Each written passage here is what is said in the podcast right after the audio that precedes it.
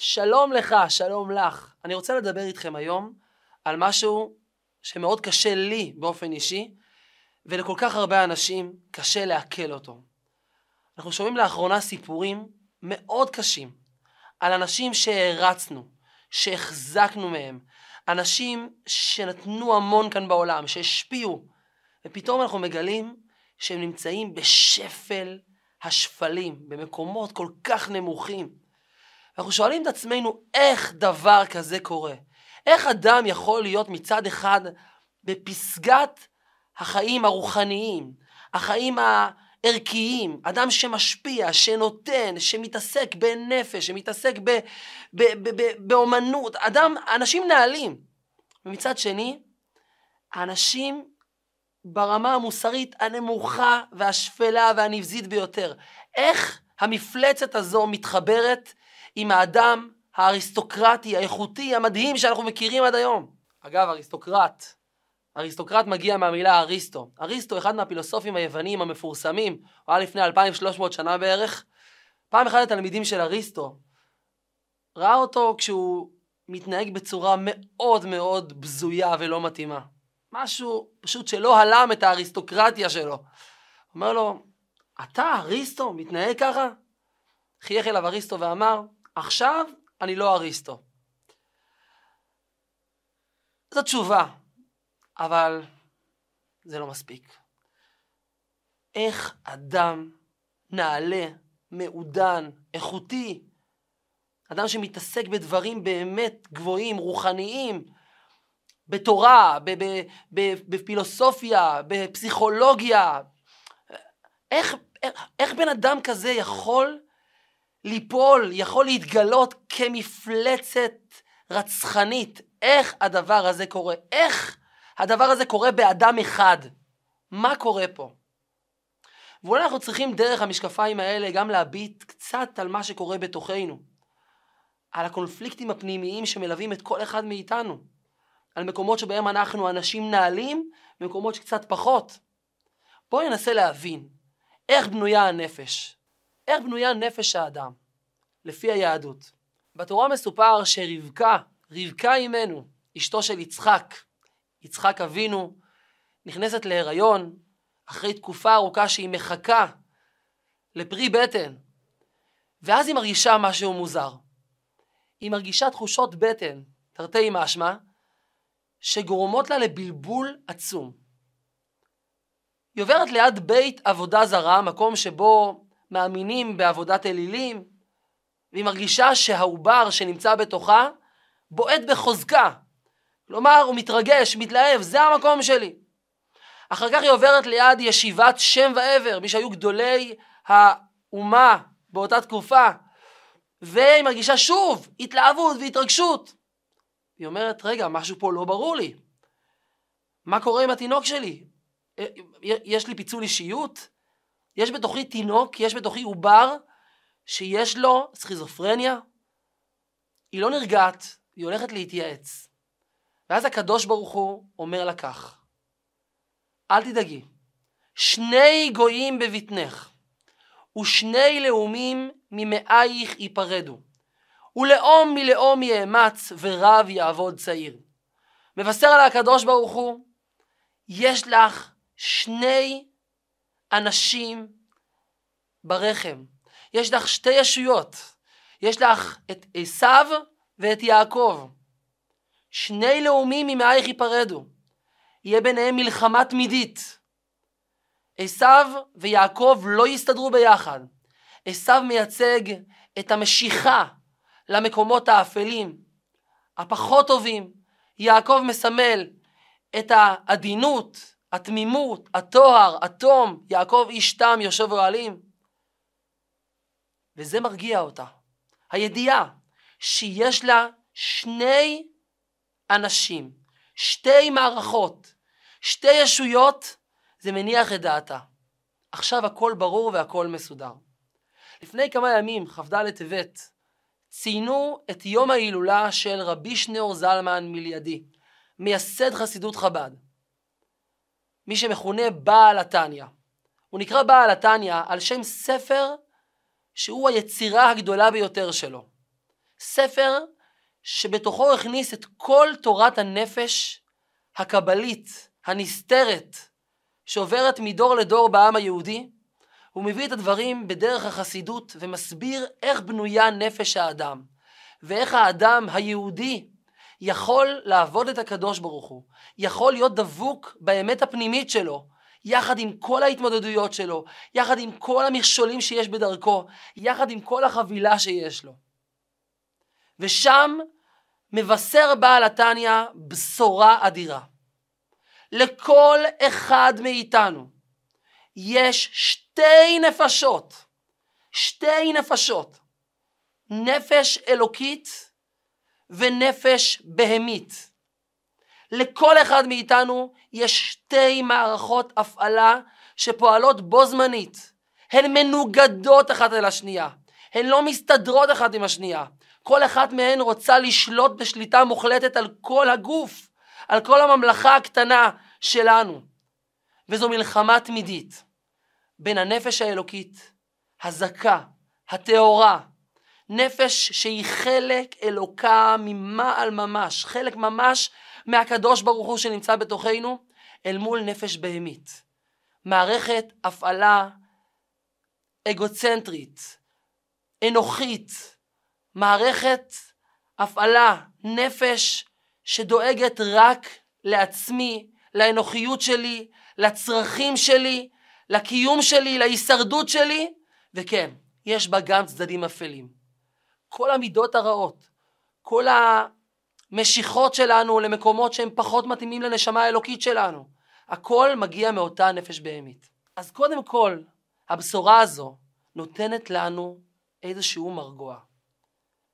כשאנחנו מחוברים לנפש האלוקית שלנו, אנחנו באמת טובים.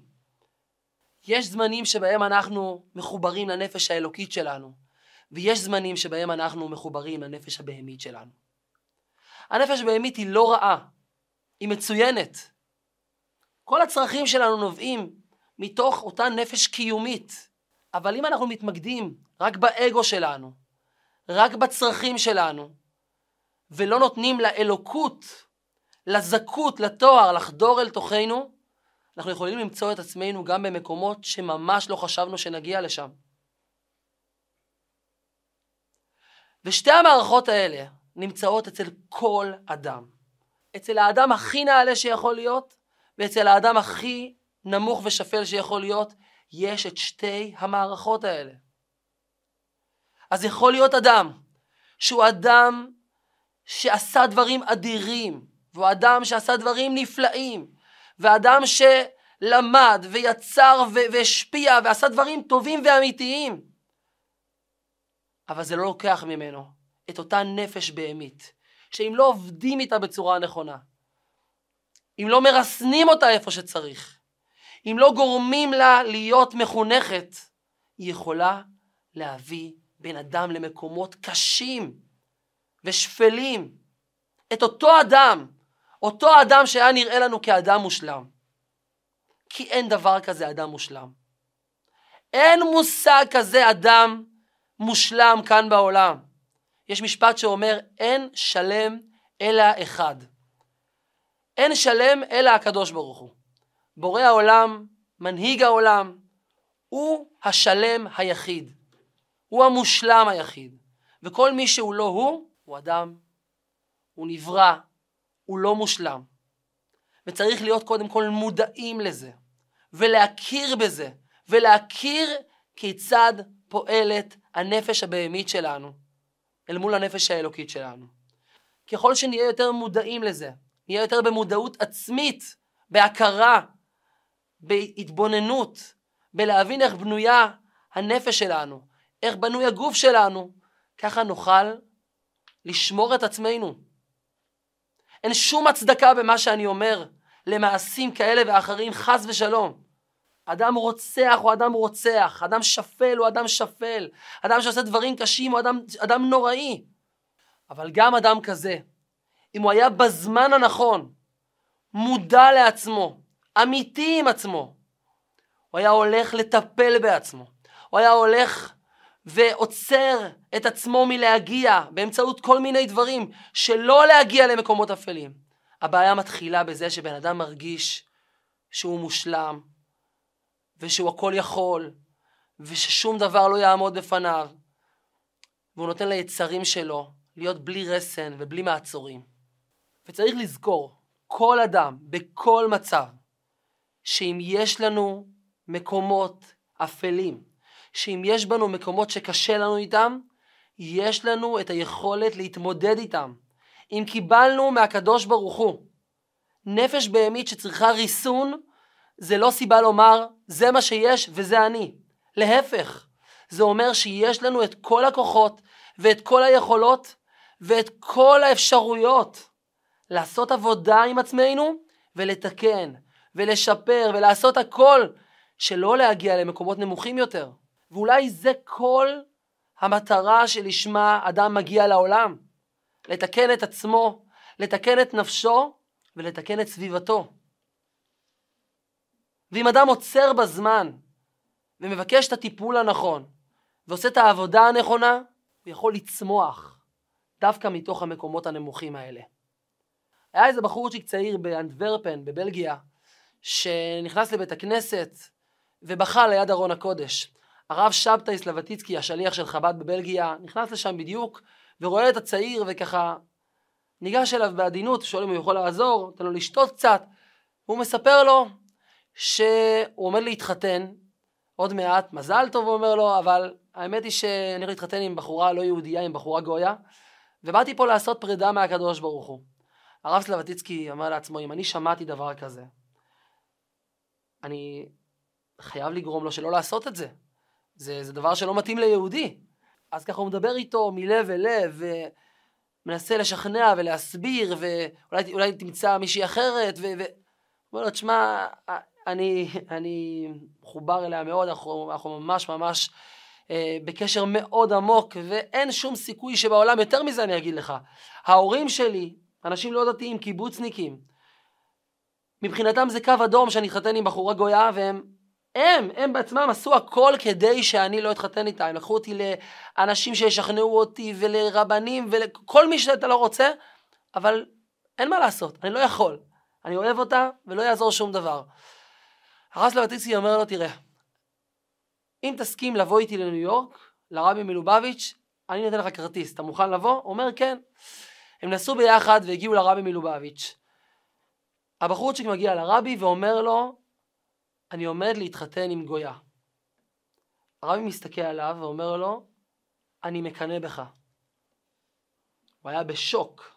לזה הוא לא ציפה. מהרבי מלובביץ', מנהיג העם היהודי, הצדיק הגדול, לשמוע, אני מקנא בך על זה שאתה מתחתן עם גויה? ואז הרבי אומר לו, תראה, כשיש לאדם ניסיון בחיים, כשיש לאדם מקום שהוא מגיע אליו נמוך מאוד, זה סוג של בור שהקדוש ברוך הוא הביא אותו אל תוכו. ככל שהניסיון גדול יותר, קשה יותר, זה אומר שהבור שאליו האדם נכנס הוא בור עמוק יותר. עכשיו הקדוש ברוך הוא לא מכניס אדם לבור אם אין סולם בקצה הבור, בצד הבור, שהאדם הזה יוכל דרכו לצאת החוצה. לכל בור יש סולם יציאה. ככל שהבור עמוק יותר, כך גם הסולם גבוה יותר. ככל שהניסיון קשה יותר, ככה הכוחות שניתנים לאדם מלמעלה הם כוחות עוצמתיים יותר, נעלים יותר, גבוהים יותר. אני מקנא בך, כי אני מעולם לא התנסיתי בניסיון שבו אתה מתנשא. מעולם לא הייתה לי משיכה להתחתן עם מישהי לא יהודייה. כנראה שגם אין לי את הכוחות להתמודד עם דבר כזה. תדע לך שהקדוש ברוך הוא מאמין בך שאתה יכול. הבחורצ'יק שמע את הדברים ויצא, נסער, פרץ בבכי והוא נפרד ממנה בידידות. כעבור תקופה הוא סיפר לרב סלבטיצקי שמה שעשה לו את הסוויץ' בראש הייתה ההבנה האמיתית והכנה שהקדוש ברוך הוא מאמין בי שאני יכול.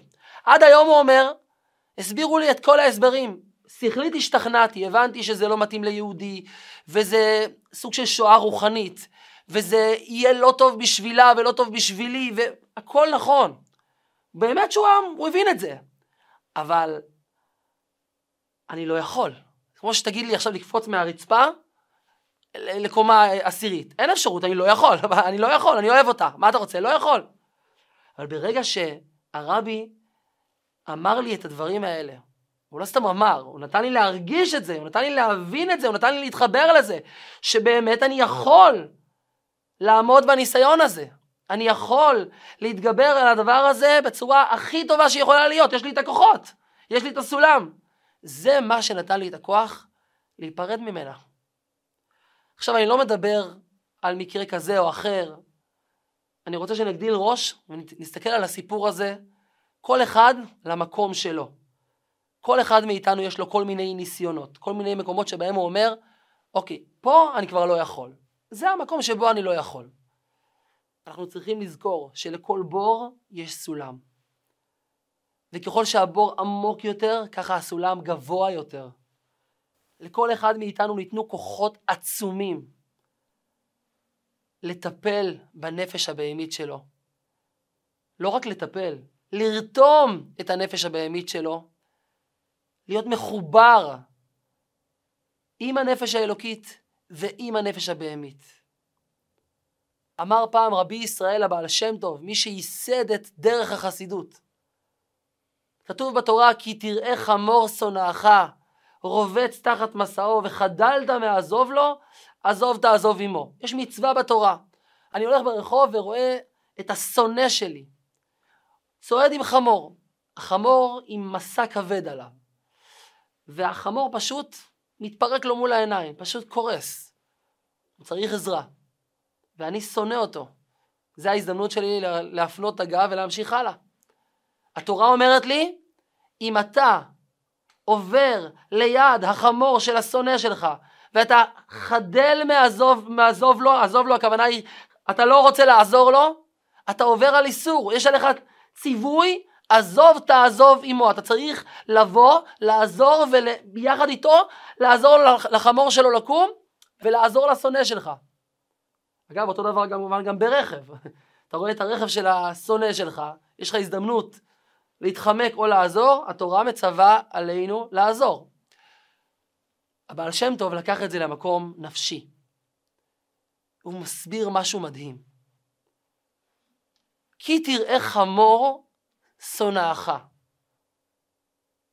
רובץ תחת מסעו. אתה מסתכל על הגוף שלך, מסתכל על הנפש הבהמית שלך, ואתה מרגיש חמור.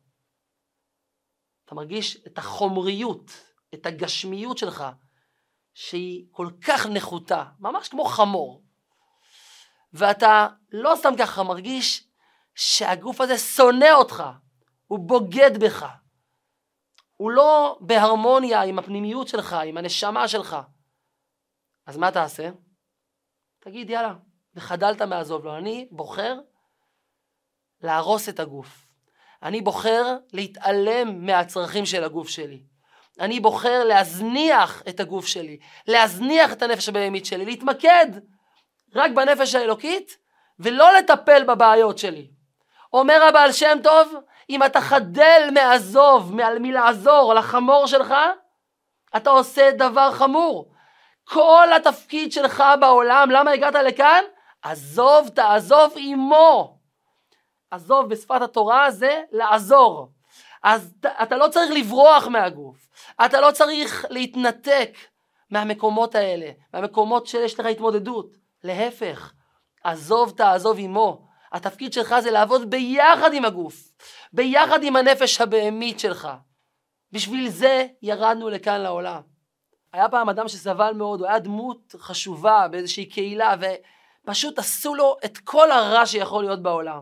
והוא פשוט נשבר. הוא נסע במיוחד לרבי מלובביץ' ואמר, רבי תעזור לי, אני, אני פשוט לא מסוגל, אנשים, אנשים עושים דברים מושחתים, אני לא יכול לראות את זה. אנשים פשוט, לא בשבילי, לא מתאים לי, אני רוצה לעזוב את האזור שבו אני נמצא. הרבי ניגש לארון, שלף את ספר התניא, אותו ספר שדיברנו עליו לפני כן, ספר שכתב הסבא של הסבא של הרבי, מייסד חסידות חב"ד, פותח ומראה לו את מה שמצטט שם בעל התניא מדברי הקבלה של רבי חיים ויטל, מדברי הארי הקדוש, מגדולי המקובלים. כל מעשי העולם הזה קשים ורעים, והרשעים גוברים בו. מראה לו הרבי שחור על גבי לבן. העולם הזה, עולם הוא מלשון העלם. העולם הוא מעלים, מסתיר על האמת האלוקית, על הטוב האמיתי. העולם הזה מלא, גדוש, ברוע, בקליפות, שזה כוחות טומאה, כוחות רוע. יש בו הרבה רשעים, והם גוברים בו, הם שולטים. אז למה הייתי צריך להגיע במיוחד עד אליי כדי להראות לי את מה שכתוב כבר שחור על גבי לבן אלפי שנים בספרים, בספרים של עם ישראל? הדבר הזה ברור. אם היית צריך להיות במקום שהוא מושלם, היו משאירים אותך למעלה. שם יש רק נשמות, שם יש רק שכינה, שם יש רק טוב. אבל הקדוש ברוך הוא שלח אותנו לכאן לעולם, למקום שיש בו כל כך הרבה רוע, כי הוא רוצה אותנו כאן בעולם. כי הוא רוצה אותנו שנתקן, שנטהר, שנעשה יותר טוב כאן בעולם. וזה מתחיל מהעולם הפנימי שלנו. לתקן את הנפש הבהמית שלנו, לתקן את הגוף שלנו, לתקן את הסביבה שלנו, וכן, להפיץ טוב סביבנו, ולגלות את הטוב שיש בתוך כל הקליפות שמעלימות ומסתירות, בתוך כל העולם שמעלים ומסתיר, לגלות איך שהוא כן עולם טוב, לגלות איך שיש בו כן אנשים טובים, לגלות עוד נשמה ועוד ניצוץ ועוד טוב ועוד אור של קודש, של אמת, של רוחניות, של אלוקות, של הקדוש ברוך הוא. וכך בעזרת השם, כשכל אחד מאיתנו יהיה מודע לעצמו, יהיה מודע לנפש האלוקית האדירה שיש בתוכו, לנפש הבהמית האדירה שיש בתוכו. אני אומר אדירה מכיוון שאם רותמים אותה, אם עובדים איתה בצורה נכונה, מגיעים למקומות הרבה יותר גבוהים, הרבה יותר חזקים. העבודה הזו המשותפת, העבודה הזו הדינמיקה הזו, השילוב הזה בין קודש לחול, בין אור לחושך, השילוב הזה בין רוחניות לגשמיות, בין נשמה לגוף, בין נפש אלוקית לנפש בהמית, אם זה נעשה בצורה נכונה, אפשר פשוט להאיר את כל הסביבה. אפשר ליצור מציאות חדשה, מציאות של טוב, מציאות של אמת כאן בעולם. אז שאלנו איך אנשים נעלים כל כך יכולים להיתפס כאנשים שהם מפלצות, יש להם שתי ישויות שפועלות בקרבם. ולצערנו הגדול, הם הלכו עם הנפש הבהמית שלהם, עם אותן נטיות רעות ונטיות שליליות ומקומות קשים, והם לא ריסנו אותה, והם עשו דברים נוראים. אבל יחד עם זה צריך לזכור שעלינו, על כל אחד מאיתנו, כל אחת מאיתנו, מוטל התפקיד האישי לגלות את התעצומות הייחודיות שיש בנפש הבהמית שלנו. לעבוד יחד עם הנפש הבהמית שלנו. לא להתעלם מהמקומות שאנחנו רוצים שיהיו יותר מבוסתים ונכונים יותר.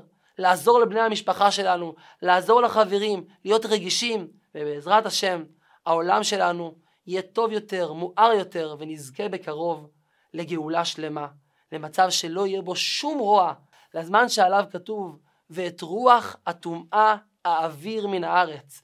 הזמן שבו הקדוש ברוך הוא מבטיח שאת כל הטומאה, את כל הכוחות השליליים שיש בעולם, הוא פשוט יבער מן העולם. העולם יהיה מזוכח, יהיה טהור, יהיה שלם ויהיה טוב באמת. זה זמן הגאולה האמיתית, הגאולה השלמה, שתהיה בעזרת השם בקרוב, ממש ממש ממש להתראות.